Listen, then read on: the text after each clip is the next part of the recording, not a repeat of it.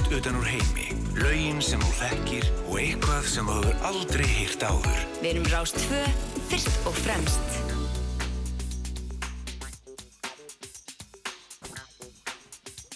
Komiði sæl og blessuð.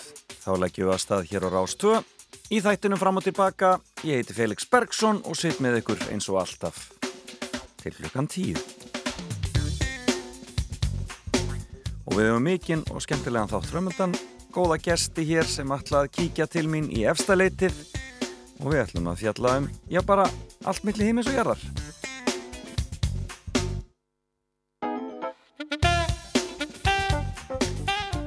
Það var fallegu morgun hér í höfuborginni í morgun og um, þó þessi kallt þá er þetta dásamlegt veður og algjört svona útivista veður með miskusti hér í höfuborginni. Ég vona það sé þannig hjá ykkur annar staðar á landinu en ég segi bara eins og ég hef svo oft sagt áður ef þið eruð eitthvað á ferðinni fylgist þið vel með veðri og ekki ana í neina vittleysu. Það, eh, við vitum betur en það. Eh, en eh, eins og áður sagði, góðir gestir Ernar Hrann Ólafsdóttir söngkona, hún ætlar að setjast inn hjá mér eftir smástund og fara með mér í fimmuna hún er nýbúin að taka þátt í undankeppni fyrir Eurovision í örríkinu San Marino og ég er mjög forvitin að heyra hvernig svo heimsók gekk og svo hér eftir nýju þá fæ ég Kornungan eh, viðmælanda Heimir Árni Erlendsson sló í gegn í Gettu Betur sem einn af eh, keppendum frá Fjörbjörnskóla Suðurlands sem fór allavega í úrsliti getur betur, hvorki meirinu minna. Töpuð þar að vísu fyrir MR eins og svo margir hafa lendi í áður en fóru þó alla þessa leið. En Heimir Árni er líka mikill Eurovision aðdáðandi og ég baði hann að segja mér hvaða lög væri best í Eurovision í ár. Við ætlum að heyra brot úr þeim og rappa og heyra svona aðeins af þessari lífsreynslu að taka þátt í getur betur. Og svo er það náttúrulega bara tónlist að hætti húsins og ég ætla að byrja á lægi e, með Lonely Blue Boys. Þetta er e, eitthvað furðulegasta íslenska dagulag fyrir og síðar. E, en textin þar er eftir Þorstein Eggersson og hann samti þetta þannan texta sem eins konar tilrunastarðsemi það sem að hann byggði á þeim áhrifum sem hann varð fyrir í þáttunum Íslenskt mál og Þetta kom út 1974, vakti talsverða aðtikla og jafnvel deilur en skýringar á textanum eh, komu aldrei fram fyrir ný viðtali í morgumblæðinu nokkru síðar. En þetta lag ber hann ótrúlega titil Kur, Kurjóða Glidra og hefur ekki bara að heyra kurjóðagliru með Lonely Boo Boys og uh, reyna að skilja eitthvað í þessum texta?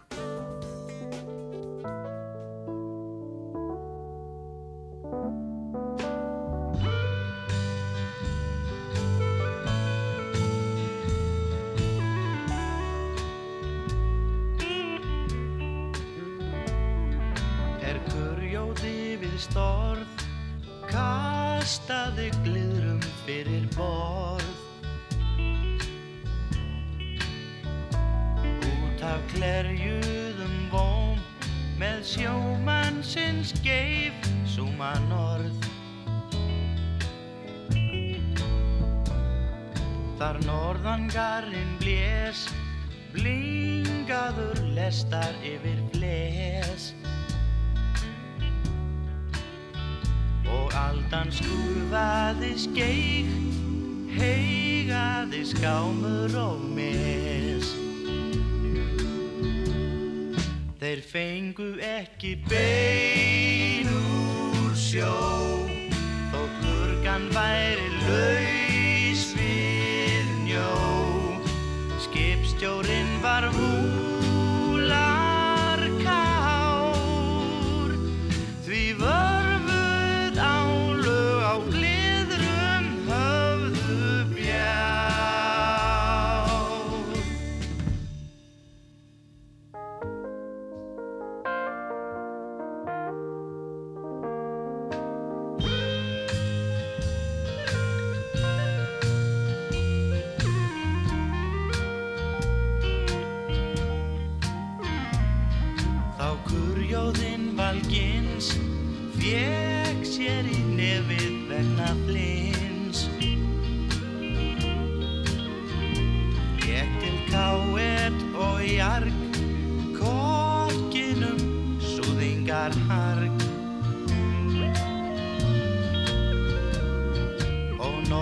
Garrin mjög harðnaði hvilgin yfir kög Þótt skipið skriði til lands skaumaði bílur um gans. Þeir fengu ekki bein úr sjó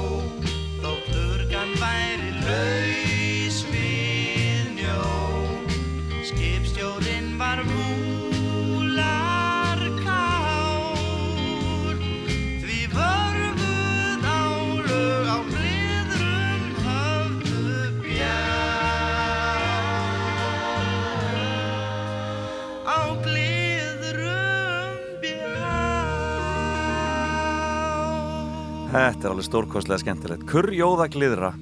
Er kurjóði við skorð kastaði gliðrum fyrir borð út af klerjuðum vóm með sjómannsins geif, skúman orð. Þar norðangarinn blés blingaður lestar yfir fles og aldan skurfaði skeig, neygaði skámur og mes. Þetta er náttúrulega bara algjört bull en alveg ótrúlega gaman að heyra hvað Engilbert Jensen söng þetta mikill tilfinningu. En þetta var sem sagt kurjóða klira. Þetta er 74 og Steini var bara reynlega að leika sér með tungumálið og það er það sem er listamanni að gera. Við förum að rappa þetta smástund við Erdarhrönn.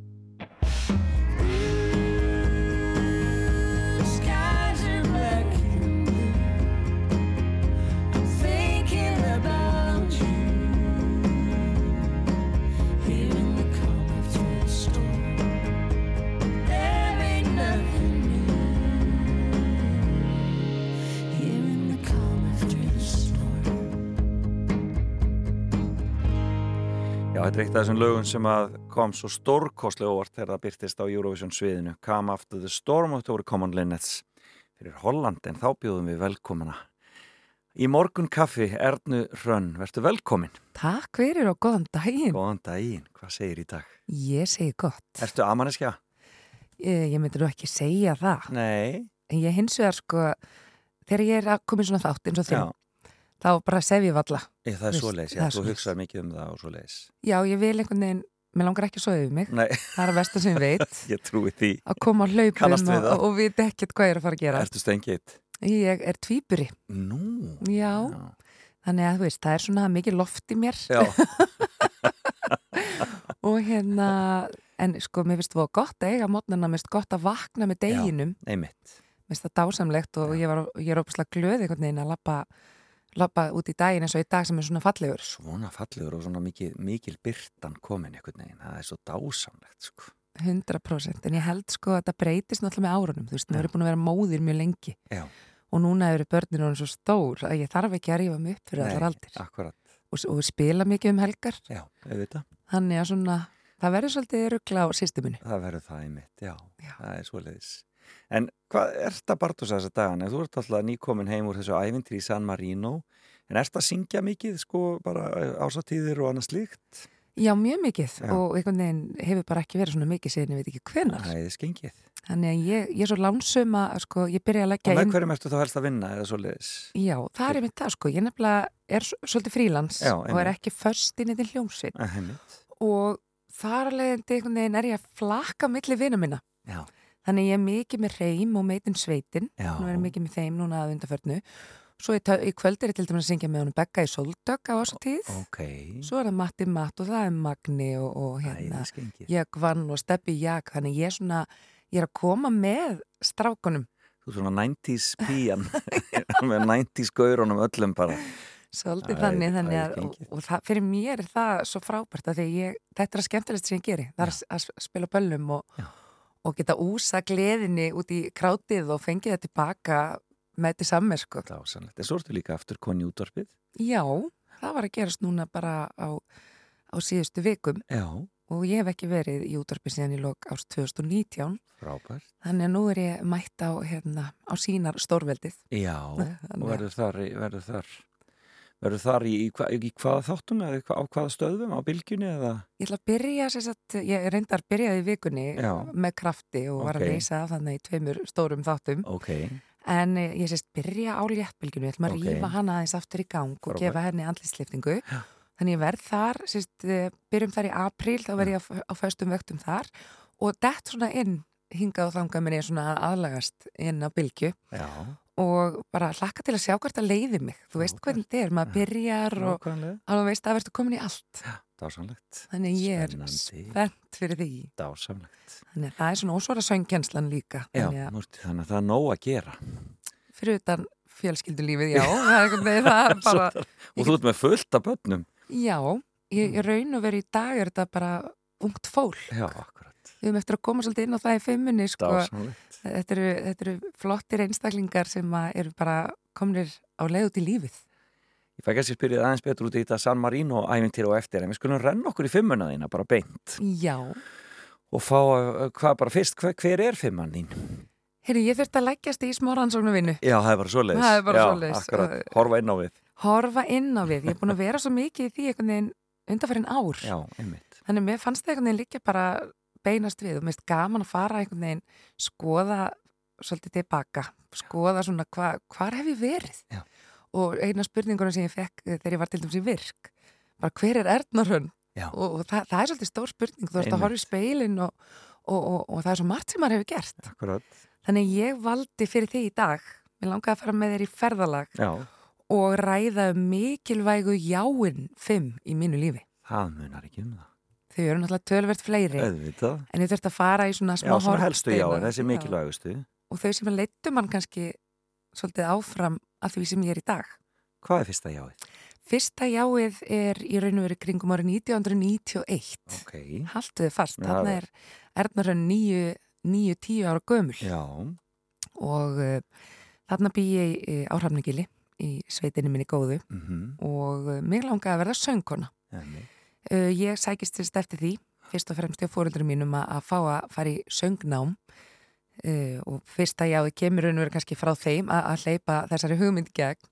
Þau hafa sambandi við hana Þuriði Baldursdóttur sem var söngkennari í tónlistaskóla Eyjafjörðar Já, uh, og þar í raun og veru sko, hún hefði ekki þurft að segja já við því af því að það hafði engin svona ungur sóst eftir þessu námi. Nei, næsta fyrir ofan mig var örglega í kringum 18, 17, 18 ára. Akkurat og gaman að segja frá því að það er móðir Birkis Blæs sem að hérna vann sænska ædoli hérna Nákvæmlega, 2019 rosalega flottur strákur, og þar var líka hún Hulda Björk Garðarsdóttir Já, sópransönguna þannig að Þurrið Baldursdóttir færilega fyrsta jái mitt í dag. Já, að hafa samþykkt að að hleypa mér þarna í gegn nýju, tíu ára krakka skotti.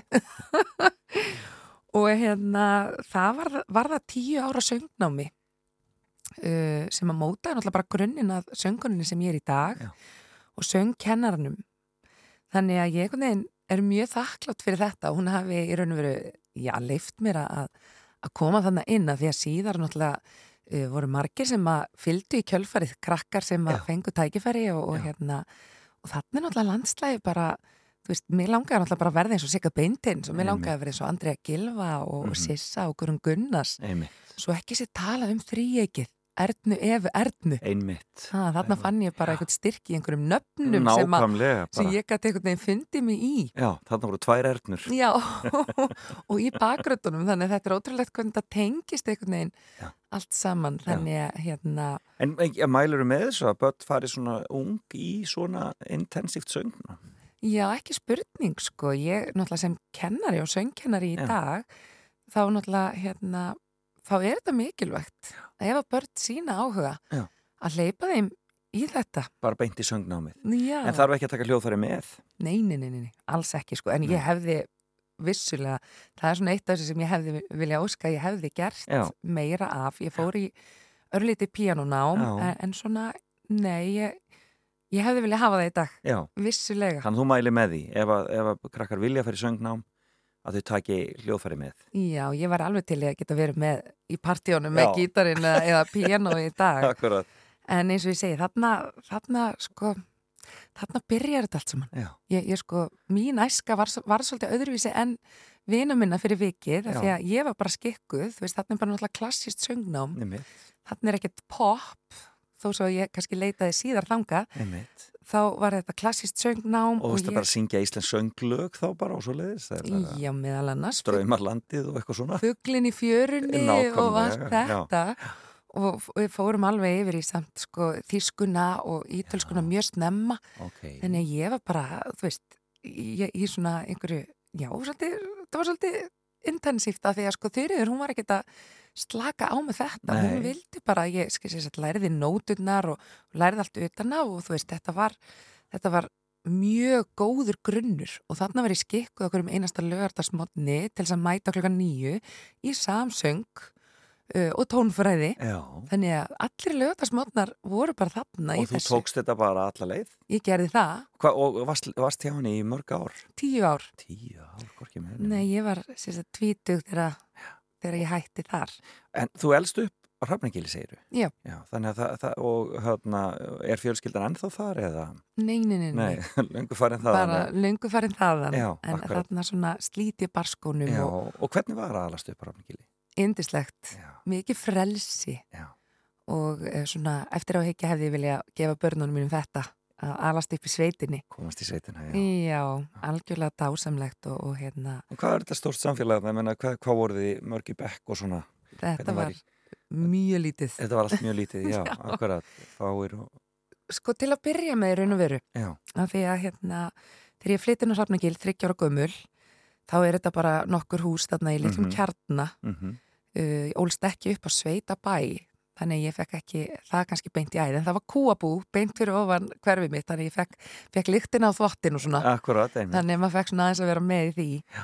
Uh, við vorum, hvað ætlum við hefum verið mörg í bekk? Við hefum kannski verið til að byrja með uh, kannski einhver, kannski 6-7 Já. í mínum árgangi. Í þínum árgangi. En voru það árgangar sætti saman og svo leiðis? Já, það var þannig. Uh, En svo þegar ég fyrir sko 5. 7. bekk eitthvað svo leiðis, þá er þetta saminað.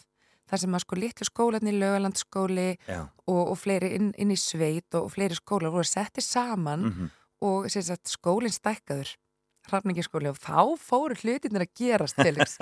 þá einhvern veginn fóru maður að kynnast Já, þar á sveitinni og, og svona, þá fóru hlutinir að gerast. Þetta fóru að vera svolítið spennandi. Dásanlegt. Þá vorum við komin, sko, þá vorum við svona kannski 20 í bekk.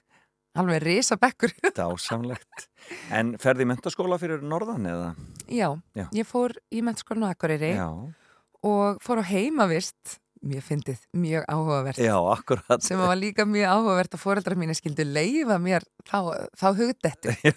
Tíu kílometrar Já, á milli. og ég fekk actually dreifbílistyrk hugsaði við Þetta er stórkostlegt. Þetta er en stórkostlegt ég fór að heimavist fyrsta árið og svo aftur þriði árið. Já, einmitt þannig en svo, svo var ég komið bílpróf og kerða á milli og, Já, já. hérna þannig að þetta svona, já og, og, svona slýsaðist svona einhvern veginn inn í allt, eh, já, slýsaðist og ekki slýsaðist, maður alltaf fór bara Þú stemdir alltaf í þessa áttu ekki ég stemd alltaf þangað og þarna í mentaskólum að því við ræðum þessi mentaskóla ár Já. þá ég náttúrulega sísönglandi og, komst þarna uh, var, já, fekk aðalhutarki kabarett, við hefum nú það sameinlegt, ég og þú já, já. Uh, mikil söngleiki náttúrulega og, og elst upp hann í sveitinni í Freymóksleikusnu Einmitt, og fæ að taka þátt í alls konar verkefnum þar. Dásanlegt uh, þarna fæ ég sérst uh, Sally Bowles í kabarett, kabarett eða kabarett Já. og hérna svo var ég í sérst uh, fór í söngjarnu framhaldsskólana og, og fekk að fara í stóra keppina hér fyrir sunnan Akkurat, að það er nú verið stórt skref. Það var stórt skref fyrir sveitastelpuna og ég náttúrulega er svo fyndin sko, ég, það er alltaf neitt minimalist Nei. í mínu lífi Nei, Þannig þegar ég fer í söngjöfni framhaldsskóluna já, þá er ég með sko þrjár bakratir, ég er með tvo dansara, ég er með fiðlu og hérna, þú veist, það var bara Fæ- fæ bara. búningan á hérna, kistum í kata í leikfélag Akureyrar, Ja. það er aldrei lo- lognmólla, Nei. það er aldrei tekið eitthvað, einhver lítil skref, það er alltaf farið alla leið, Segja já Hvað, segja já. hvað er næsta já? Það er einmitt það sem við erum að fara að ræða núna í kjölfarið, af því að sko, þarna var ég í kórumentaskólans og Akureyri Já, og við förum á Sauðakrók að hitta annan kór. já, Þar kynnist í strák já, já, og uh, það leið nú ekki langt, uh, leið, leið ekki á löngu þangu til ég fekk uh, jákvætt þungunarpróf. Það var bara svoleiðis Það er jáið númer tvö. Stór. 1990 og hvað er það? Þetta er 2000. Þetta er 2000, já. Uh, þarna var ég búin að sagt, já, kynnast basföðu mínum. Og uh, já, vissi nú ekki að nýrið basfæði minn þá. Nei, En hérna, jákvæða þunganaprófi kemur þarna árið 2000, þarna var ég í fjórðabekk í mentaskólanum að Akureyri. Já. og uh, útskrifast svo með sjömánaða bumbu. Það er bara svoleiðis. Og uh, í raun og veru tveimur, uh, tveimur mánuðum áður en að, já, í raun og veru sko, já, tveimur mánuðum áður en ég útskrifast, þá er sér satt uh, útskrifast ég og verð tvítug. Já. Þannig að þá er bara stórt skref í mínu lífi stíið. Mhm. Þarna fæ ég yndislega drengi minn í hendurnar í ágúst og mitt stærsta hlutverk í lífinu sem Já. að tók þarna við uh, og hann heitir Máni Steinn og hugsaðir að hann er sko að vera 22 ára í Já. ár. Það er orðið þetta langt síðan. Uh, þannig að þetta var, já ég getur nú, getur nú sagt að þetta hefur nú verið stærsta svona jáið í mínu lífi. Já, akkurat þegar þetta kom var þetta, þetta var náttúrulega bara alls ekki planað Það var alls ekki planað. Uh, ég einhvern veginn þegar ég var yngri þá var ég ekki mikið að hugsa það að verða móðir. Nei. Mér, varst, mér, mér þóttu börn mjög leiðileg og hérna, þetta er alveg pínlítið fyndið að segja frá þessu. Ég var ekki mikið fyrir að passa börn, Nei, uh, ekki nema litla bróði minn sem ég náttúrulega elskaði út af lífinu. Já. En, uh, en þarna, ég sá fyrir mér að ég er kannski síðust í bekknum Já.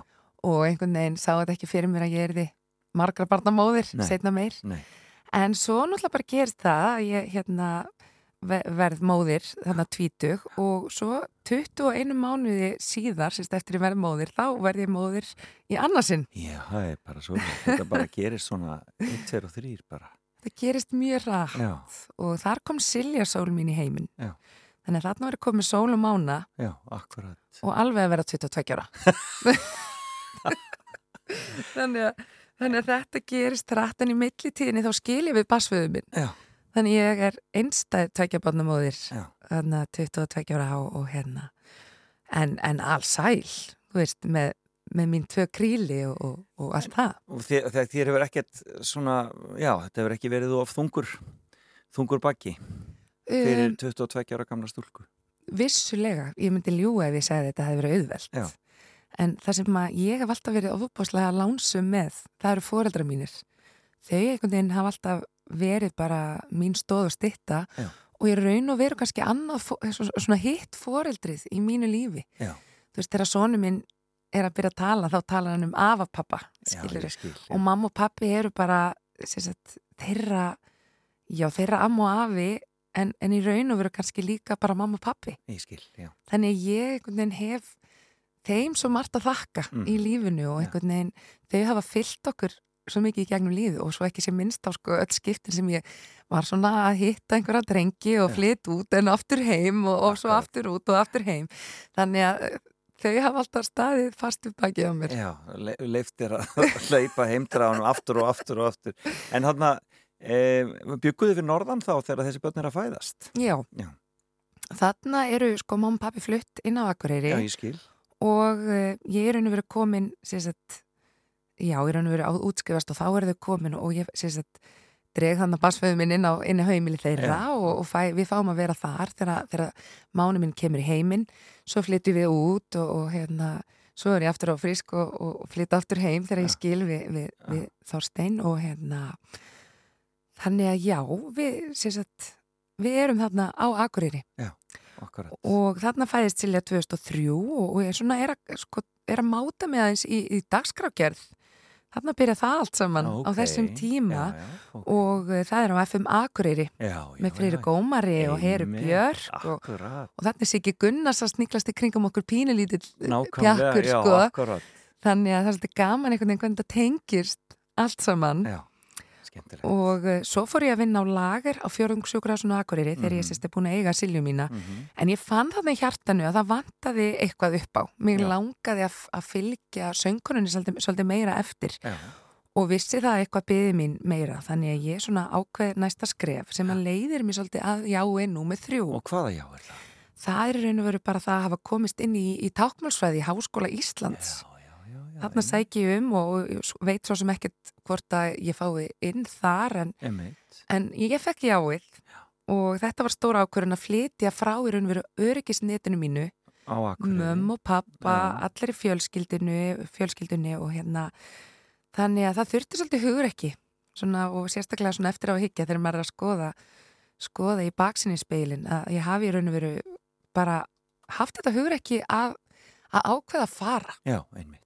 Bara því ég vissi í raun og veru ekkert hvað beði mín fyrir sunnan jú vissulega bjó Janni bróður hér en hann var einhvern veginn í, í allt öðru í sínu, og, og í sínu sí, að músisera og, og með sína fjölskyldu þannig að ég var ekkert að fara að koma hinga til þess að leggjast uh, upp á hann þannig að ég í raun og veru fæ þetta já og, og hugsa bara ok, hvað svo?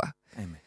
Þannig að ég er veru þar líka svolítið að, að, að sko treysta á ég að fá jáinn alls staðar annar staðar eins og með, með, eins og með stúdendagarðana og, og, og leikskólapláss og allt þetta, þannig að-.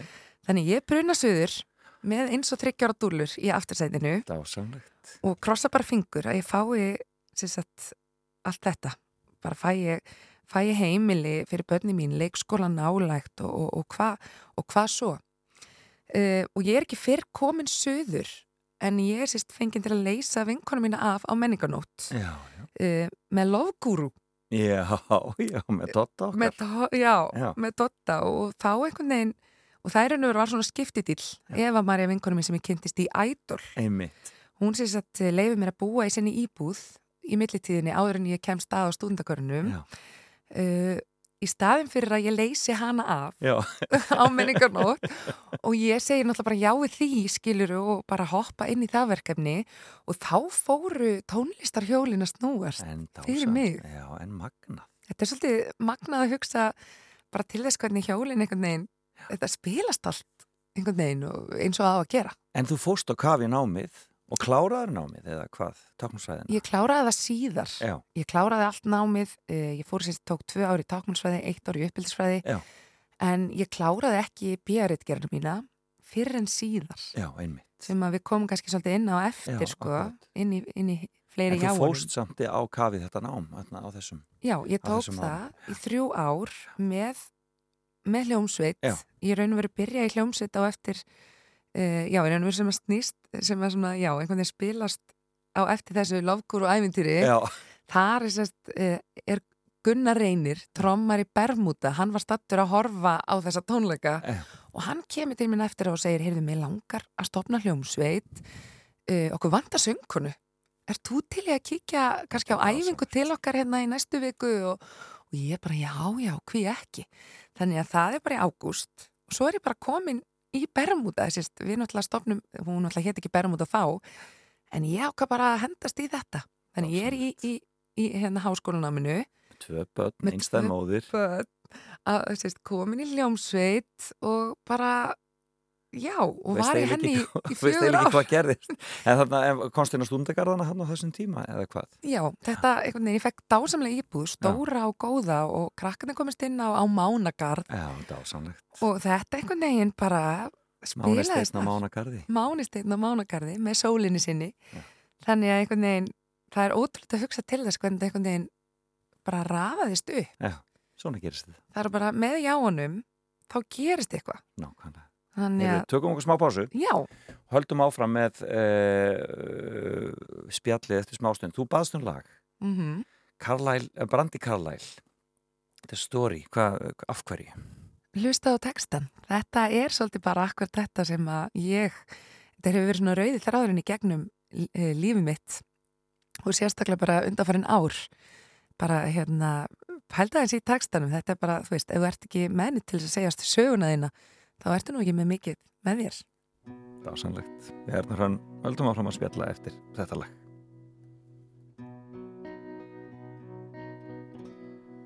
All of these lines across my face tell you the story of who I am. So many stories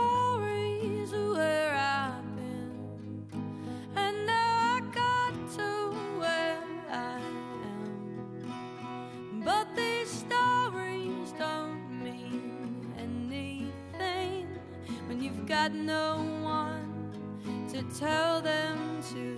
It's true. I was made for you. I climbed across the mountain tops, swam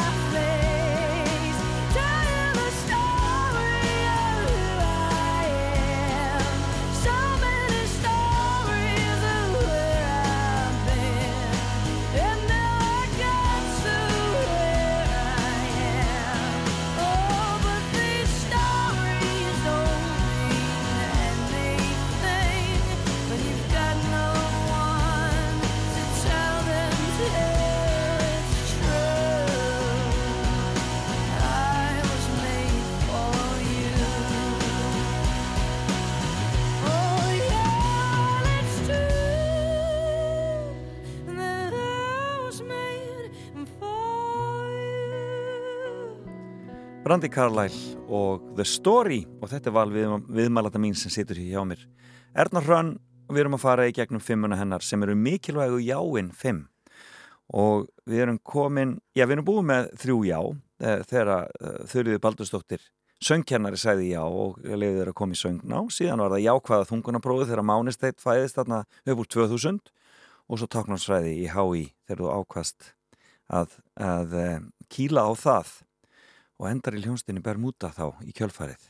En hvað er fjórða jáið? Hvað er fjórða jáið? Þannig er ég sko búin að vera á, sko, í mörg ár á þeitingi, Já, sko bókstaflega á þeitingi uh, í tónlistarheiminum og, og hérna uh, já, við erum eiginlega komin til ásins 2010 já, ok, Þarna.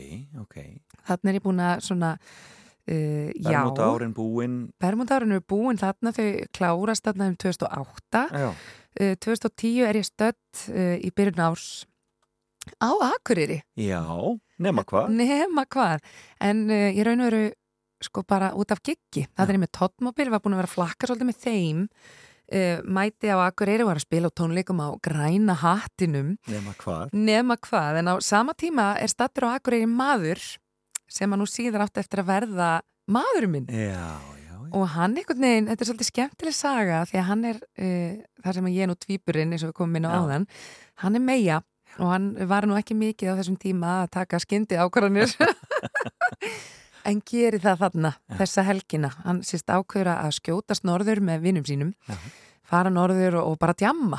Hann er ekki að norðan hann er ekki norðan, hann er sést borgabarn og hérna fyrir norður uh, og veru vini sínum sem er hann að fara með sjónna heitnum Já, að djama þar, já. vini sjónna voru að spila á, á Akureyri Einmitt. og þeir fara þannig norður og, og við hittumst uh, hittumst raun og veru eftir tótmobilgekið Já. fyrir algjör á tilviljun og það gerist raun og veru ekkert á mill okkar þar Nei, nema svona, hann sendi mér vinabeðni í kjölfarið á þessum eh, hittingi Eh, og ég segi nú í raun og veru að, að jánum með fjögur er jáið við, við þessari já.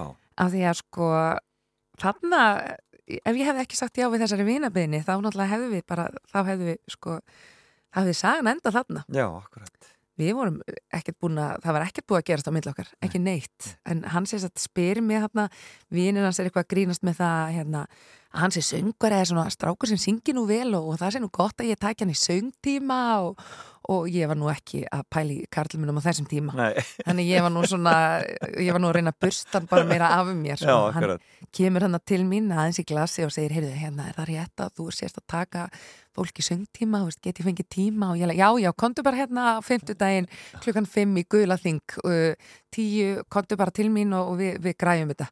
Og ætla í raun og veru bara bustan þannig að minnum að hann setur þetta bara í síman sinn í kalender Og mætti í dagatalið. Guðlaþing. hann mætti ekki en hann sendi mér sagt, uh, hann mætti ekki en, en, en hugsaði þetta poppar upp í símanum hans. Já, og hann hérna, sendi mér eftir á sérst, skilabóð og segir, heyri, ég misti vist að tímanum mínum en hérna væri hægt að fá annan tíma? Og ég, ég sérst, svaraði ekki skilabóðunum nema nokkrum dögum síðar þá sendir hann með þessa vinabeini. Og ég fekk svona ægilan móral að hafa ekki svara drengnum. Já. þannig ég send, eh, sérst, svara vinabeini játandi, ég verði nú vírun hans á Facebook og, og svo fyrir við að spjalla saman og uh, í raun og veru tölum saman enn í dag já, eru 13 búin að árum spjalla síðar sig. Já. Hvað heitir hann? hann heiti Jörundur Kristinsson Já. og um, já, eftir sérst lang, til að gera langa sögu stutta þá hérna var þetta afdrifarík ákvörðun og, og hálfu ári síðar fluttu við sérst þrýeikið, ég, Máni og, og Silja inn til lands í Kópavóin og í raun og veru bjöggum til stór fjölskyldu af því að hann er sérst á þrjár dætur já, já, já. Þannig að 29 ára gömul var þarna orðin fimm barna móðir í Kópavóinum en hans er sett á, á þrjóðdætur, herdi sér steinunni á Margreti og, og á þessum tíma þar ég, þegar ég er 29 ára þá er þetta nú stór pakki félags minn. Það er engin smápakki. Þá erum við að tala um sko haldur, þarna eru börnin 5 ára, 7 ára, 9 ára, 10 ára og 13 ára. Og allir þurfa að sína aðtegl og allir þurfa sinn tíma og, og Já, sitt plás. eitt drengur og fjóra stúlkur. þannig að þetta og sko í raun og veru minnstri var þannig að, sko mín tvö voru hjá mér nánast alltaf Já, einmitt. þannig að stelpunar eh, fóru til mömmu sinna aðra hverja viku Einmitt. þannig að við vorum sér satt já, þetta var, þetta var stór og mikill pakki Já, ég trúi því. Og svo bara tveimur áru síðar 2012, þá kemur okkar dúlla í heiminn, Júlia Dís Já.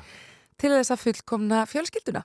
Þannig að þá er honum sex barnamóðir. Einmitt, 30 og eins. 31 ás og hérna, já, þannig að þetta, þetta er stór og mikill pakki. Já, ég en, en afskaplega dásamleg, dásamlegt að eiga þennan fjársjóð og, og hversu dýrmætt. Og hvar búið þið í bænum? Við erum í Kópavóinu, Í við höfum verið í raun og veru, sko, við höfum flakkað á milli staða í Kópavogi, Mm erum í dag í Álalind en við erum búin að prófa sagt, smárakverfið, við erum búin að prófa hérna Kástnesið, uh, ég er búin að fara upp í, í Þingin, þú veist þannig að við erum svolítið búin að svona, flakka Já. svolítið víða. En alltaf í kópáinu. Alltaf í Kópavóinum og, og það er nú gott að búa í Kópavogi. Svo, svo, svo, svo skilst mér, svo skilst mér. Og ykkar yngsta núna orðin hvað 13-14 ára? Heyrðu, hún er 11 í dag. Hún er 11 ára. Hún er já. 11 ára, þannig að litla örverfið okkar. Já, Hún er 11 og svo eru sérst hinn hin börnin 18 og upp í 26. þetta er ásannlegt. Þannig að þau eru alls stór. Já, Og við giftum okkur 2019 uh, með tilherandi tónlistarveistlu ég, því trú ég. Og það var náttúrulega dásam, dásamlegu dagur. Já. Uh, þannig að já, Svona, En, svona eh, hefur lífið, svona snýst nú lífið með einni, ein, einni jákvæðinni, jákvæðri vinabeðinni. heldur betur. Þannig að það já er nummer fjögur. Dásanlegt. En ertu tilbúin í nummer fimm? Ég er tilbúin í 5. Þannig að sko það er og veru kannski mögulega eitt af því mikilvægasta í mínu lífi. Já, Svona í setni tíð. allavega hana. Því þegar þú lifir svona hratt eins og ég er búin að gera, að því nú erum við að, að skoða uh, þessa, þessa, þetta lífslaup og ég er nú bara 41 ás í dag Já, en ég hef gert mikið og margt og upplifað ansi margar hluti. Uh, en þarna sem sagt uh, já, hvað getum, getum við sagt? Ég var raun og veru stoppu svolítið af. Það kom svolítið af því að ég einhvern veginn búin að lifa þarna þessu hraða lífi en, en sko í lok ásins 2019 mhm, þannig að skömmu eftir giftinguna mín þá fæ ég svo kallan lífsbruna. Já, kulnun sem að tók mig bara gjörsamlega nýra á gjörðina já, og uh, þá komum við að þessu fymta jái sem var það að ég komst að hjá virk. Já, einmitt. hann fekk ég jákvæða hérna, jákvæð svar Já. við þessari umsókn minni. Já. af því að ég er raun og veru bara ég var komin á þann stað sem er mjög sorglegt og sárt að segja frá ég einhvern veginn sá bara ekki fram á uh, lengra lífi Nei, Mér fannst ég einhvern veginn vera kannski bara komin á endastöð. Mér fannst eins og ég væri búin að upplifa allt sem ég þyrti að upplifa í lífinu og eins og ég sagði hjá sálfræðingi ég svona uh, hvað meira þarf ég Já. í lífinu. Veist, ég er búin að fá að upplifa alla mína drauma og það, það sem er eiginlega kannski uh, skringilegast að segja frá er að ég var svo sátt við að kveðja lífið. já, Þetta er þannig. Óbóðslega, ég fæ eiginlega bara svona nettan hroll Já. að hugsa til þess af því í dag finnst mér alveg fásinna að hugsa til þess af því ég, ég finn í dag hvað ég ámarta eftir Mhm, og er á góðum stað en, en þarna var ég á mjög, mjög dökkum og dimmum stað og ég hugsaði uh, mér leið bara það illa andlega, líkamlega mér varst allt bara einhvern veginn ég var, ég var byrði á, Já. á fólkinu mínu Já, að vera orðin neikvæða því ég hef alltaf einhvern veginn verið þessi jákvæði karakter sem að sem að vildi bara einhvern veginn frekar glæða líf fólks með gleði En hvað gerðu þeir hjá virk til þess að koma þeir aftur á stað? uh, ég er einhvern veginn bara fæ kannski er ég eina fáum sem er þakklátt fyrir COVID-tímabilið Já. að ég fæ inn í februar svo skellur COVID á skömmi síðar þannig ég fæ bara uh, algjöran frið bara til að einhvern veginn koma mér aftur í gang. Fyrstu mánuðinni fóru mestmægnis bara ég að kvíla mig. Uh, ég fekk bara skýr tilmæli frá ráðgjafa þar sem var indislegur að bara ekki ekki gera neitt. Þú bara átt að sofa núna. Þannig að ég einhvern veginn bara fekk þarna tvö ár til að vinna sýst í mínum málum styrkja mig andlega. Mm ég fekk kjark til að klára óuppgerð mál sem að skiptu gríðarlega miklu máli bara í sagt, minni vekkferð að halda áfram lífinu. Já, Þannig voru mál sem bara var erfitt að feysa mm en ég gerði það. Uh, hérna vekki rými og svegrum til að klára bjæritgerna mína. Uh, og kjark í, í raun og veru til þess að bara þarna sótti ég ég vissi svo sem ekkert hvort að ég þyrti að, að hérna þyrfti að klára einhver námskeið eða hvað það var en ég fekk sagt, jákvæða niðurstöð að ég þyrfti bara að gera björritgeran mína. Já, Ég kláraði hana með bravúr, ég fekk nýju fyrir mína rítgerð þar sem ég fjallaði um tákmálsöng, gerði rannsókn og bara þarna einhvern veginn var þetta svo valdeflandi að klára óuppgerð mál já, og bara fyrir, fyrir sjálfið, fyrir þetta sagt, eh, hjarta Já. að bara einhvern veginn að klára það, þetta hafi setið á hakanum síðan 2007 nákvæmlega. og ég klára hana 2000 og, og 2021 á sama tíma og ég verð færtug Já. Þannig að e, það bara einhvern veginn hjálpaði mér bara og síndi mér hvað ég ætti mikið inni Já. og e, einhvern veginn bara í kjölfarið á þessu tveggja ára já, í raun og veru ferðalagi, andlega ferðalagi þar sem ég bara tek mig algjörlega í gegn Mhm. uh, þá fer ég í efnaskipta aðgerð, ég Já. fór í magamingun uh, og magaermi og, Já. hérna, og það var svo stór og góð ákvörðuna því að ég raun og veru uh, ég kjölfarið á þessum tveimur árum þar sem ég einhvern veginn tók mig í gegn Já. þá er ég bara komin okkur að endastöð líkamlega. Já. og það var svo leiðilegt, þetta dansaði ekkert saman. Nei, ég ég var svo rosa orkumikil í huganum Já. en líka mér sagði bara stopp, veist, ég var bara ofbúslega þung, ég var komið vefjagikt ég var hérna uh, bara verkuð, stöðugt ég bara lifði á verkjalifjum til þess að koma mér í gang, ég hafði enga orku. Þannig að ég, ég raun og verið var búið að sagt, uh, útskrifa mig hjá virk með þau skilabóð að ég einhvern veginn ég kæmist í raun og verið ekkert lengra og í Já. raun og verið væri kannski bara fyrir mig væri næsta skref að verða bara öryrki. Uh, í raun og verið að því að líka minn hann Já, bara var þar. Já, og ég ákvað það, það væri ekki mín endastöð. Ég bara orkan þangað alltaf þú ekki. þangað ætla ég ekki uh, með fullri virðingu. Já, nákvæmlega. veist, nákvæmlega. bara langaði mig að taka annars skrif þannig ég bara upp um bara já, bara teka þessa ákvörðun að ég ætla bara að sækjast eftir því að komast í þessa aðgerð sem ég komst í hvað er og veru bara tveim mánuðum síðar Mhm. bara hérna tók upp veskið og þetta kostaði nú ekki lítinn pening en það var svo sannlega þess virði að því í dag uh, einu og hálfu ári síðar er ég búin að missa 50 kíló Já. uh, og bara talandi um allt sem hefur farið af sálinni og þetta er og veru helst allt í hendur fyrir mig sem líka bara listakonu standa á sviði, líða vel með sjálfa mig Nákvæmlega. horfi í speilin og þekkja þessa konu sem ég er að horfa á Og þú hefur bara aldrei verið aktífari enn í dag. Nei, ég er bara, ég er óstöðvandi. Ég er, ég er sko raun og veru. Ég held að þessi eina orði sem að, sem að kemur upp í hugan er að því að sko, og ég er sko gleðin og, og, og ég hef svo mikið að gefa aftur Sannlegt. og það er svo gott, það er svo gott, gott að vera á þessum stað að einhvern veginn líða vel í eigin skinni og, og geta einhvern veginn bara verið sáttur, hort, sko sáttur út í daginn á modnana og farið sáttur að sofa og, og uppfullur á þakklæti fyrir þessa vegferð. Ná, Þú veist, ég er að vera 42 ára, þetta er þetta magnað. er engin aldur, þetta er ekki neitt. Ég var svo mikið eftir. Nákvæmlega. Óstöðandi kannski en ég þarf því miður að stöðva því því að tíminn er algjörlega flógin frá okkur. Þannig að það var dásanlegt að fá því. Ég á ennþá eftir að fá söguna af ævindirinn í San Marino. Það kemur síðar. Ég er bara á það inni. Það En ég valdi lag með manni sem ég veit að þið þykir mjög væntum. Hann heitir Rúnar F. og þið syngið þarna saman lag eftir hann er það ekki sem heitir Never Look Back. Jú, Og, þarna, og um, ég ætla að láta það vera að loka hljómin í þessu hjá okkur. Kæra þakki fyrir komuna í fram og tilbaka. takk fyrir mig.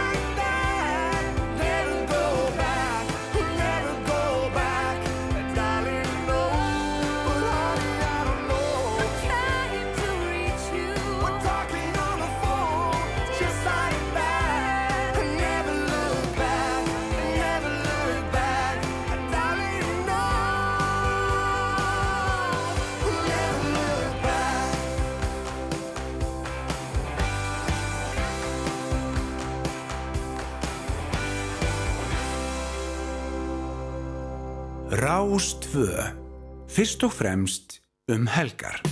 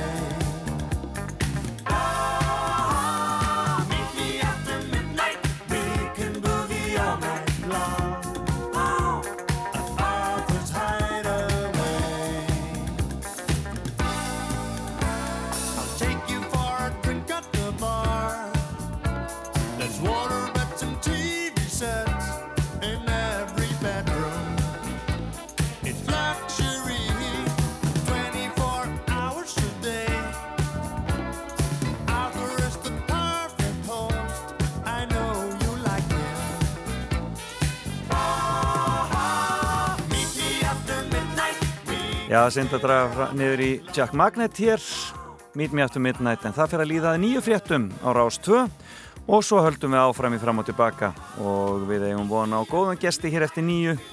Heimir Átni Erlendsson áttar að koma og við ætlum að ræðum Eurovision.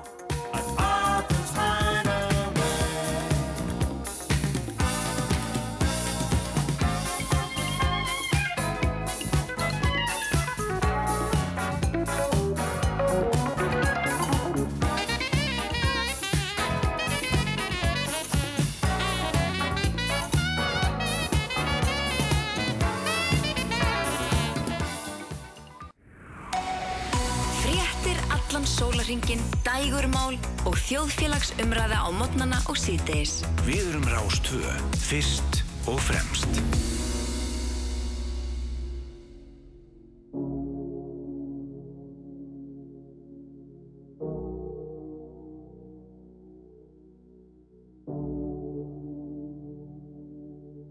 Stóra spurningar heilir minn spyr Hjarta mitt er ekki með svar Ég slæk úr símanum mín Bara svo að þú veitir það.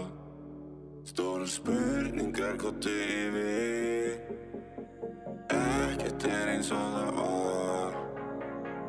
Ég væri til í að elska þig. En þú veist þetta er ekki það.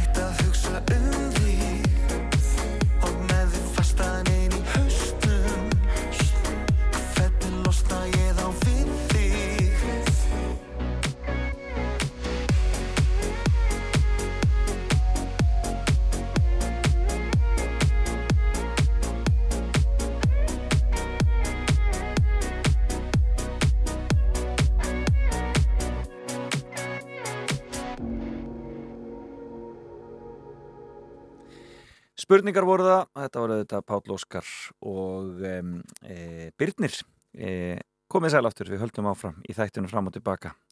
Og e, Erna Hrönn er farin á dyr frábært að fá hana hér í morgun og heyra fimmuna hennar dásamlegu. Mikilvægu jáinn fimm og það var engin smá, gett smáferðalag hjá þessari ótrúlega kraftmiklu og flottu listakonu sem Erna Hrönn er e, e, og ef að þið mistu það viðtalin í morgun þá verður það allt saman komið inn á netið hér eftir smá stund og svo auðvitað inn á hlaðvarpsveitur. En við höfum fleiri viðtur framöndan að Heimir Árni Erlendsson ætlar að setja sig á mér eftir smá stund og við ætlum að ræða um ég æfintýrið að taka þátt í getu betur. En hann var auðvitað í liði fjölbrytskóla Suðurland sem gerði það svona svakalega gott í þeirri keppni og svo eh, er hann svo mikill Eurovision aðdáðandi og ég ætla að heyra frá þeim einum 16 ára. Hvað hvaða lög er að fara að vinna Eurovision í ár hann mun segja okkur það hér allt saman á eftir doing en fáum Kristínu Cecilju fyrst hún vann nú ekki söngakefnina hér en hún gerir flotta músík þetta lag heitir I'm Still Me Not taking anyone's advice. And I've been looking through our photos. I know I shouldn't, but I do. Cause I've been trying to remember who I am without you. Cause you went in a hurry, left everything blurry. I can still feel the vertigo. New life, new city, leaving everything behind me. Think I'm finally ready to let it go. Cause I'm still me, I'm surviving. This is what I do.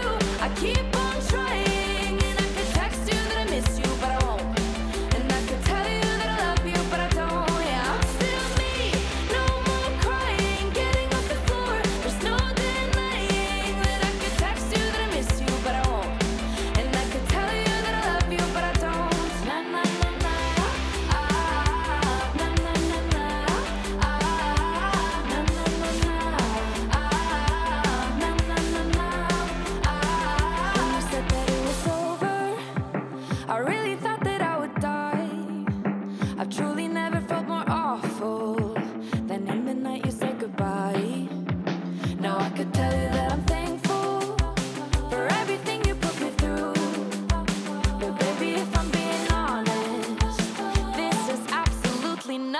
do with you.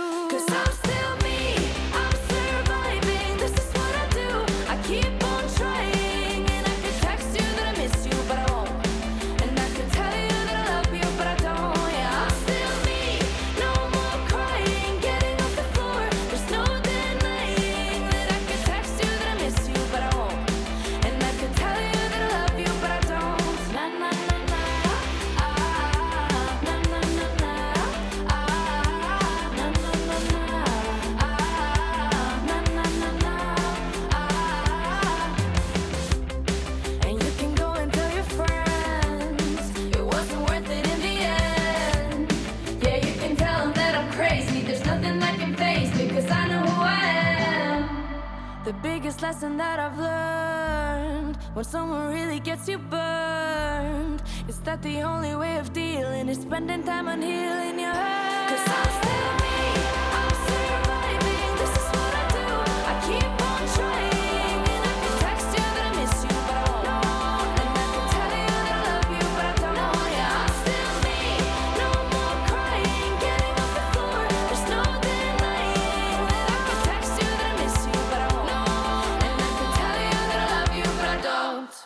ert að hlusta á Fram og Tilbaka á Rás 2.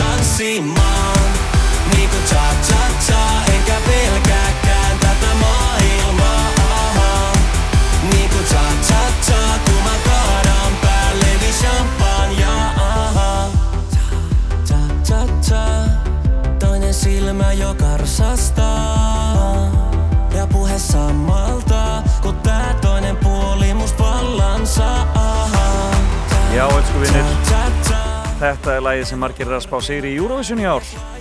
Þetta er finska lagið Tja Tja Tja og með það kynum við inn hér viðmælanda morgunsins Heimir Árni Erlendsson, verður velkomin.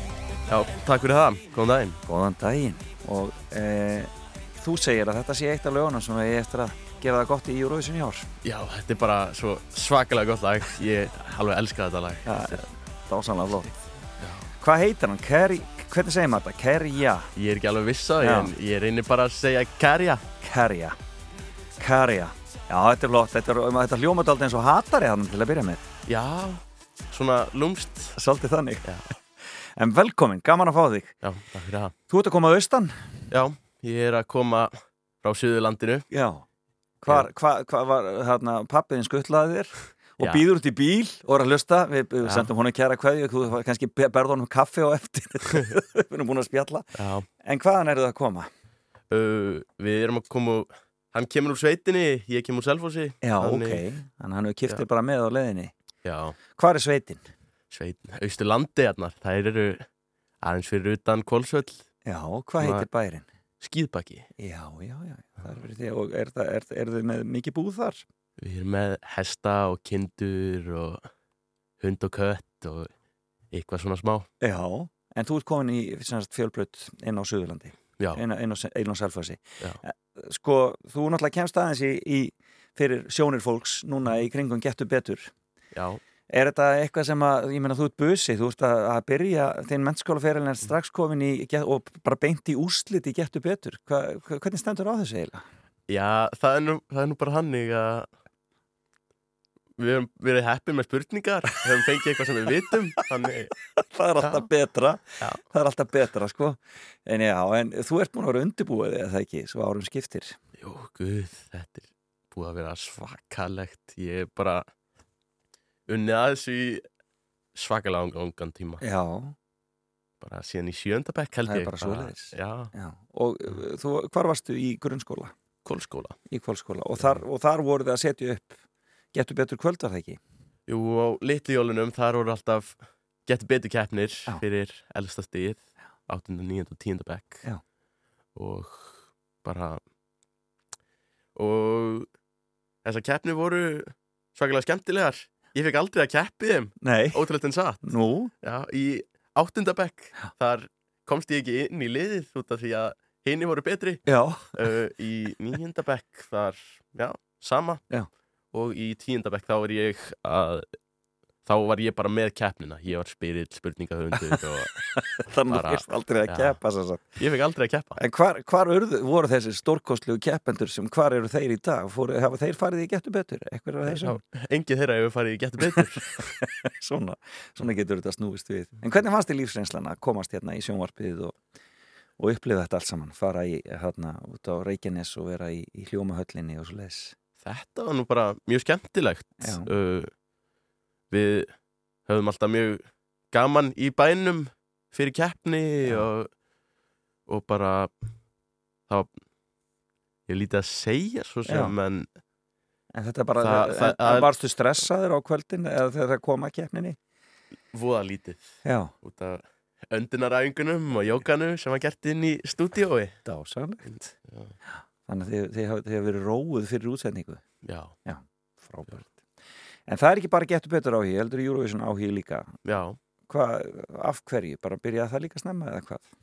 já hann byrjaði í raun 2013 Já. þegar ég horfði á mína fyrstu keppni Já, horfa á Eithor Inga og Emily de Forest Já. og ég reyndi að fyrsta, fyrsta alvöru minningi minn frá Eurovision er að horfa á Eithor Inga bara syngja Já. á sviðinu Já. og hann er dásanlegur, rosalega flottur. Og gerði þetta vel. já, ég Ég- kaus reyndar, ég tók síman hennar mömmu og kaus þetta Já, það ekki. það sagði atkvæði móttekið en ég er ekki alveg viss með það Ég leiði mér að hefast um að það hefur komist, komist kannski, hefur símafyrirtæki tekið peningin en ekki hleyft atkvæðin í gegn. Það, það gæti verið þannig. En, uh, en þú ert búin að fylgjast vel með í ár og ég spurði þig svona eh, þegar við vorum að tala saman, hvaða lög ég ætti að hafa tilbúin, þú ætti vildir heyra. Já. Og við erum búin að heyra finska lagið sem þú baðst sérstaklega um. heldur að það eigi möguleika að vinna þetta í ár? Þá er mjög stóna möguleika. Ef, ef Lorraine vinnur ekki þá er ég mjög viss um að Finnland vinni. Já, ef, að- einmitt. En þú nefndi fleiri lög og næsta lag er franska lagið. Já. Vito Mont eða hvernig sem maður segir þetta og uh, hún heitir La Sarra sem syngur það, við skulum heyra það aðeins hérna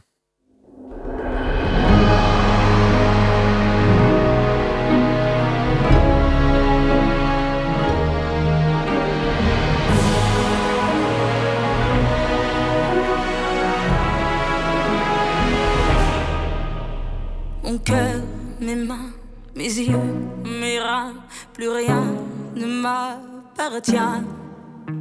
Je me fais du mal pour faire du bien. J'oublie comme si ce n'était rien.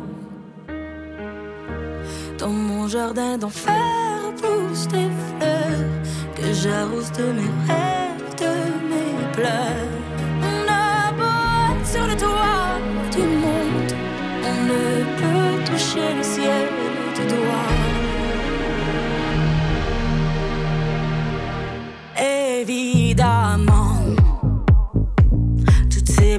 belles promesses que j'entends, ce n'est que du vent. Évidemment, car après le beau temps vient la pluie. C'est ce qu'on oublie, c'est toujours trop beau pour être vrai. Mais Já, þetta er ljúft pop frá frökkunum Vito Mont, hvað er við þetta heimir átni sem að gera það svona gott? það er nú bara svakalega mikið uh, production á þessu og röddin hennar Ógeðslega flott mm, þetta er svakalega gott lag Já. og þetta mun gera mjög vel Já, þú keppninni. heldur það, það er, ekki, það er ekki að skora hátt hjá veðböngum en ég, þetta er svona kannski eitt af svona þessum sofandi Já, sofandi lögum sem að eiga eftir að koma Mhm. Annar lag sem þú nefndir er hljómsveitin Joker Out Já. frá Slóveníu. Slóvenar hafa nú ekki riðið feitum hesti frá Eurovision undan hann ekki mjög mikið sko. Nei. Nei. En þeir eru búin að breyta, ég veit þeir eru búin að breyta um sko þá sem að hérna, eru svona í forsvari Já. þannig að það er greinlega svona aðeins breyting í svona nálguninni og þessi hljómsveit er víst mjög vinsæl í Slóveníu Eigum við að heyra læðira Já, er það ekki? Carpe Diem, hlustum á Joker Out ljubili se in se igrali, kot danes jutri več ne bo. Vedno manj besed, ta naklid pod nogami ške, mi pa bežimo s prepiha. 810 tisoč let moraš delati le, da duša malo zadiha. Loviš, če preživiš, ti ničesar ne dobiš. Si tega res želiš. Igra sovraštva za vas. Hvala lepa, ne računajte na nas. Na nas. Mi bomo celo noč plesali. Ljubili se in se igrali, kot danes jutri več ne bo. Ne bomo šteli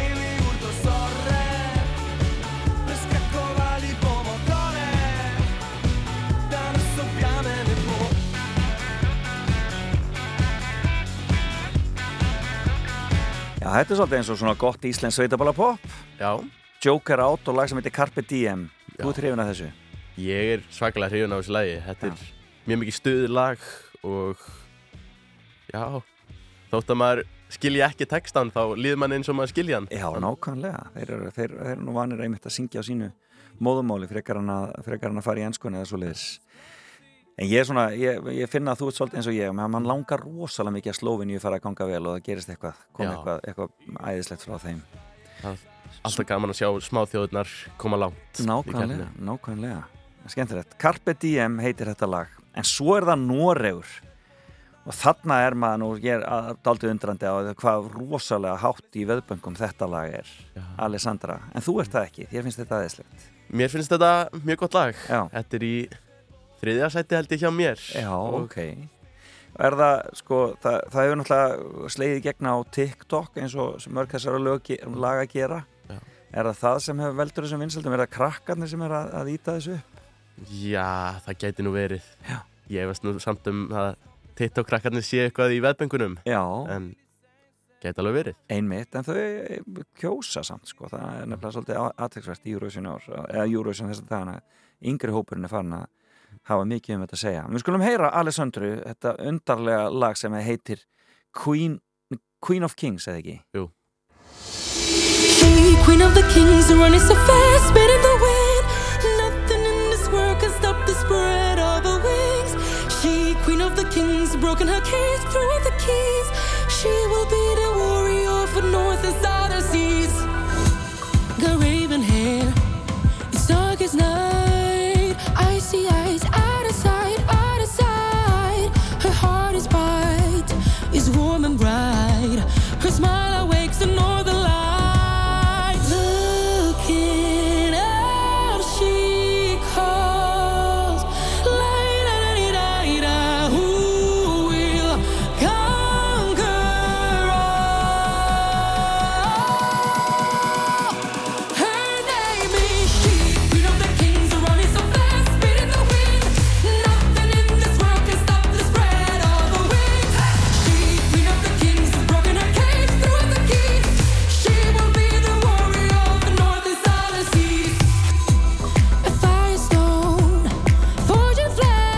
normenninni koma með svona vikingapoppið sem að margir segja við eigum að koma með. Já, Já. það væri svakalega flott ef við myndum koma með eitthvað svona alveg tekno og vikinga eitthvað. Einhverja svona góða blöndu. Akkurat, sem er ekki fullreind með matta mat. Já, að- hérna á sínu tíma, það var ekki, það var ekki eldfjall og það allt saman, já. Skemmtilegt, já, þetta, en þessi stelpa hún er af Ít, hún sko er, er frá Ítalíu, hún er sko ítalskur normaður já, og elst upp á Ítalíu en bara nýflutti Noregs og kom í tónlistarháskóla þar Mm.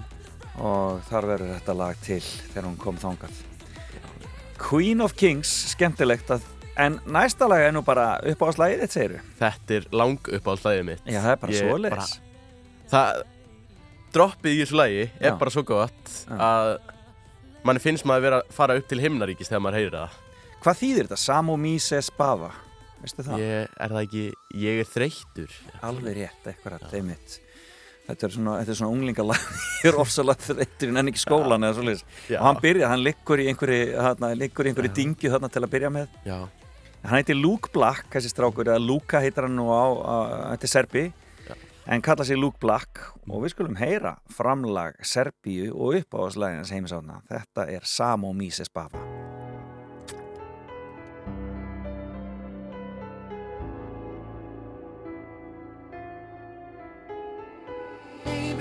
The world on fire. It is all a game to me. I don't wanna choose my fighter. Who's taking control of me?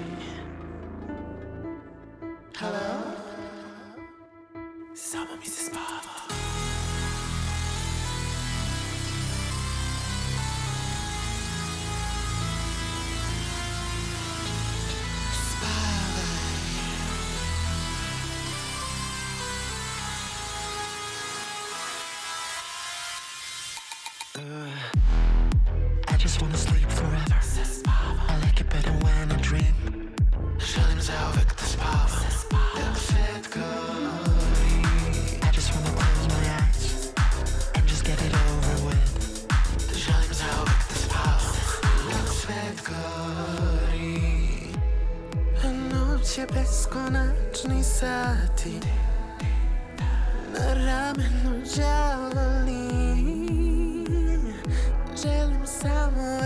večno spati Tako da ih pobedim Hello?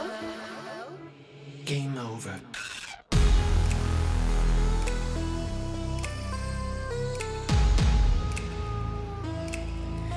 Ég mér stegla verst að við séum ekki í sjónvarpinu þannig að fólk geti fylgst aðeins með þér hérna að dansa og syngja með þessu skilur þetta er æðislegt. En þetta er semst Serbia, strákur sem heitir Luke Black og þú heldur að þetta er eftir að koma á óvart og gera það gott. Ég vona að þetta komist í topp 10 Já, Þetta er alltaf lang uppáhaldstæði mitt Já. Þannig já, bara, Ertu, eh, sko, finnst þér það skemmtilegast þegar það er sungið á, á eigin tungumálum eða skiptir það einhverju máli? Ég hef lítið hugsað um það Mhm. en eins og þetta lítur út í ár þá held ég að það er eitthvað smá svona óvita að já, mér finnst heimamálið þeirra betri Já, einmitt, já, ég menna finn, hann- Finnin syngur á finnsku. Þessi syngur magniðalæginu á, á sermisku slóverindi sungu á slóvensku eða, eða k- talaði slóvensku, hvað talaði þér í, í Slóveníu? Í Slóveníu, já, það er slóvenska. Nú, nú reynir á því getur betur. Slóvenska? Já, það er slóvenska, vel gert. Heyrðu, en að lokum þá verð ég að spyrja þig, hvernig heldur að Dilli á eftir að ganga? Ég býst við topp 10 Það er bara svoleiðis? Það er topp 10 Þú ert ákveðin í að hún fari í úslitin Já og endi í topp 10 Það er topp 10, Já. það er ekki flóknar en það Það er bara ekki flóknar en það Var þetta lagið sem að þú fílaði best í söngakefninni hér heima? Já, Já. það var eiginlega þannig Já. Maður, maður vildi halda með celebs en þetta var bara langt besta lagið Spennandi Heimir Átni, hvað tekur við hjá þér? Nú ertu bara að klára skólan fram á, fram á vorið Já, og hvernig verður sumari hjá þér? já líklegast bara vinna á fótbalti Vinna á Já. Uh, Veistu hvað þú verður að vinna í sumar? Eða? Eða verður að- vinna bara heima á bænum? Eða? Það er Já, en eftir að fara í atvinnu viðtöl og...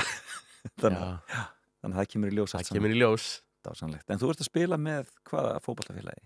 KFR Sem að stendur fyrir Knattspinnufélag Rangainga Já, og þið eruð í fimmdeildinni Við erum í já bara frábært. Það verður gaman að fylgjast með þér áfram. Kæra þakki fyrir að koma og takk fyrir að, að, að, að leiða okkur aðeins inn í nokkur af þessum lögum sem við erum ekki búin að heyra í uh, Eurovision í ár og gangið er allt í hæginn. Já, takk fyrir það. I'm ready to let you go.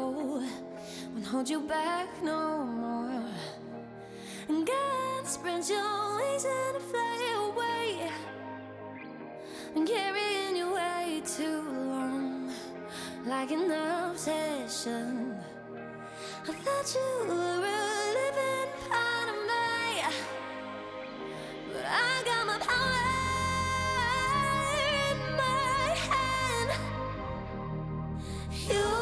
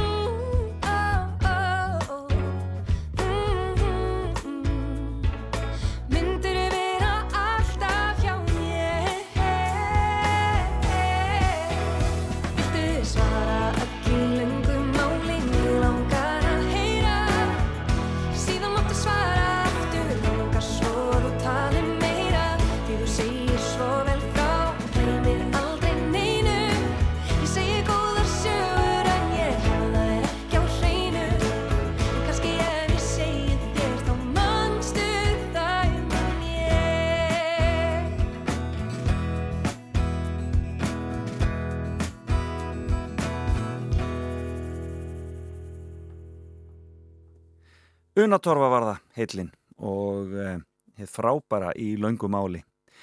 Og það var einstaklega gaman að fá hann hingað í heimsók til okkar, hann eh, heimir átna, e, eh, aldelis frábær drengur þar á ferðinni og e, hann sagði að þetta var í jólinn, söngvakefnin og getur betur, það væru vörðunar á árinu, stór skemmtilegt. En hann sem sagt, hans uppáðslag er sernurska lagið og, e, og svo Eh, leiðan okkar að heyra líka þetta finska sem hann segir að verði mjög ofalega franska lagið, slómanska lagið og norska lagið og svo er hann sannfærurum að dilja og verða á topp 10 með sitt power.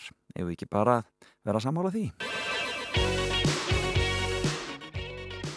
En það fyrir líða því að eh, Salka Sól setist hér í þetta sæti og haldi áfram á Rást 2 Já, við hefum svona 20 mínutur eftir og Cindy Lóper er næst.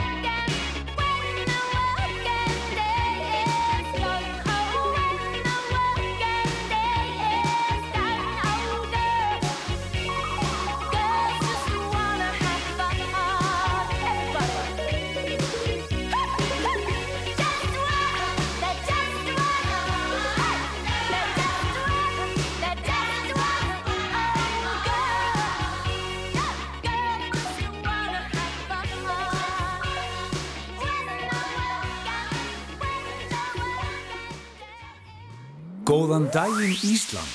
Fram og tilbaka á Rástvö.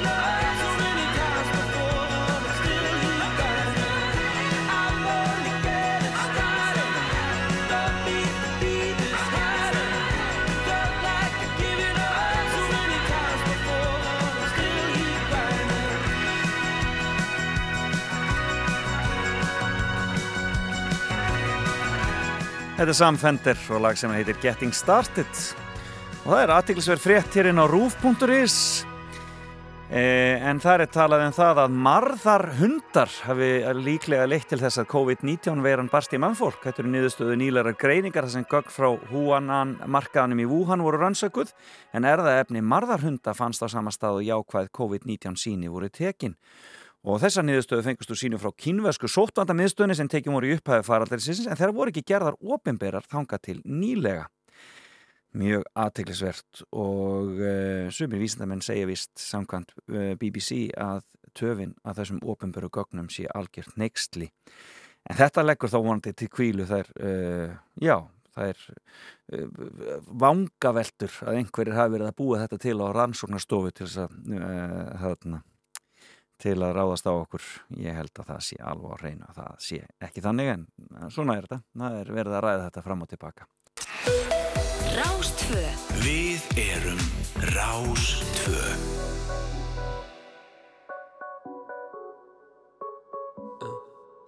Heilin minn á fullri ferð hugsa stanslust um þig.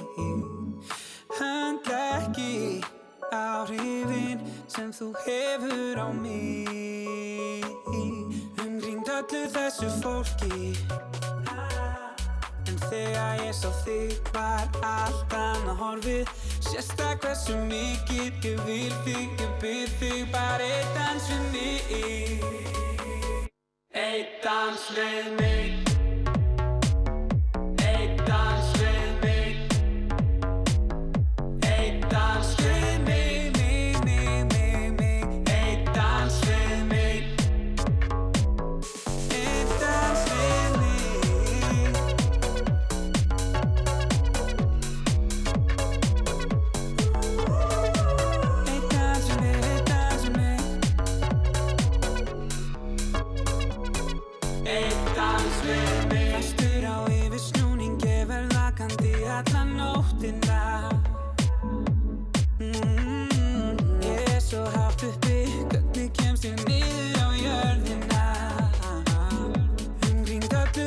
fólki. Ah, En þegar ég sá þig var allt annað horfið. Sérst það hversu mikið ég vil þig, ég vil þig Bara eitt dans við mig. Eitt dans við mig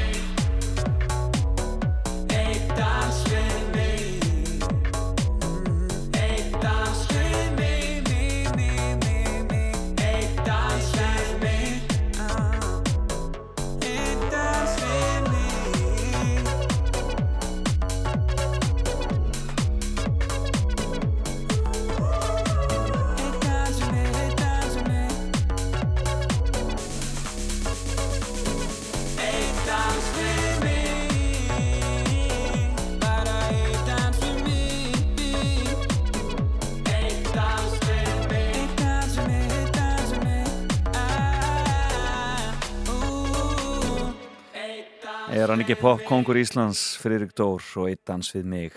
Já, Rás 2 verður með ykkur í allan dag og það er, í, það er bara venjuleg dagskrá hér hjá okkur. Selka Sól tekur við klukkan 10, allir eftir hátegisfréttinnar og síðan tónlistin eftir síðdegisfréttir og svo er það lagalistin í kvöld og gestur Lofísur Rutar í kvöld er Fannar Ingi Friðjófsson og e, alltaf skemmtilegir þættir e, lagalistin. E, en e, næsta dagskrá hjá mér er hljónstinn Travis.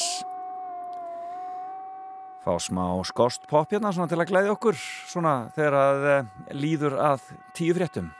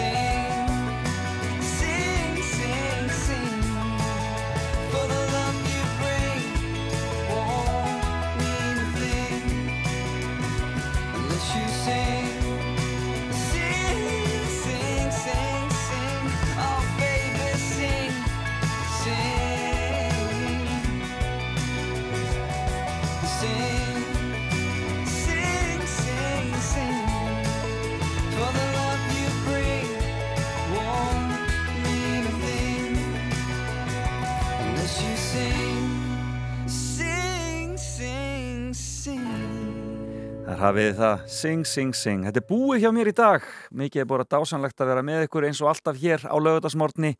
Salka Sól fyrir að taka við og ég veit að það verður eitthvað frábært fyrir ykkur. Við ætlum að enda þetta á uh, lagi Sistra, nýja laginu þeirra sem heitir Furðuverur. En ég þakka Ernur Hrönn og honum heimi átna fyrir að koma til mín í morgun kaffi og gleiði okkur þennan morgunin og þið getið fundið þáttinn inn á netinu rétt og eftir og auðvitað á hlaðar Hóð upp í himinin, finnið hann leka yfir þig Í hverju skrefi er einhver eða mig og þig? Lifum í skugga, skugga þess sem áður var? Vakna dagur, vakna nýjar spurningar Trúið á furðu verur fjöld sem lifna við. Fljúandi furðu hlut og guð. Ástinnar okkur og að dansa í tónsljósi Star upp í stjörnu híminni Trúið á tilviljanir tækifæri mín. Feður sem býr í myrkrinu. Trúið að himinn tónið hafi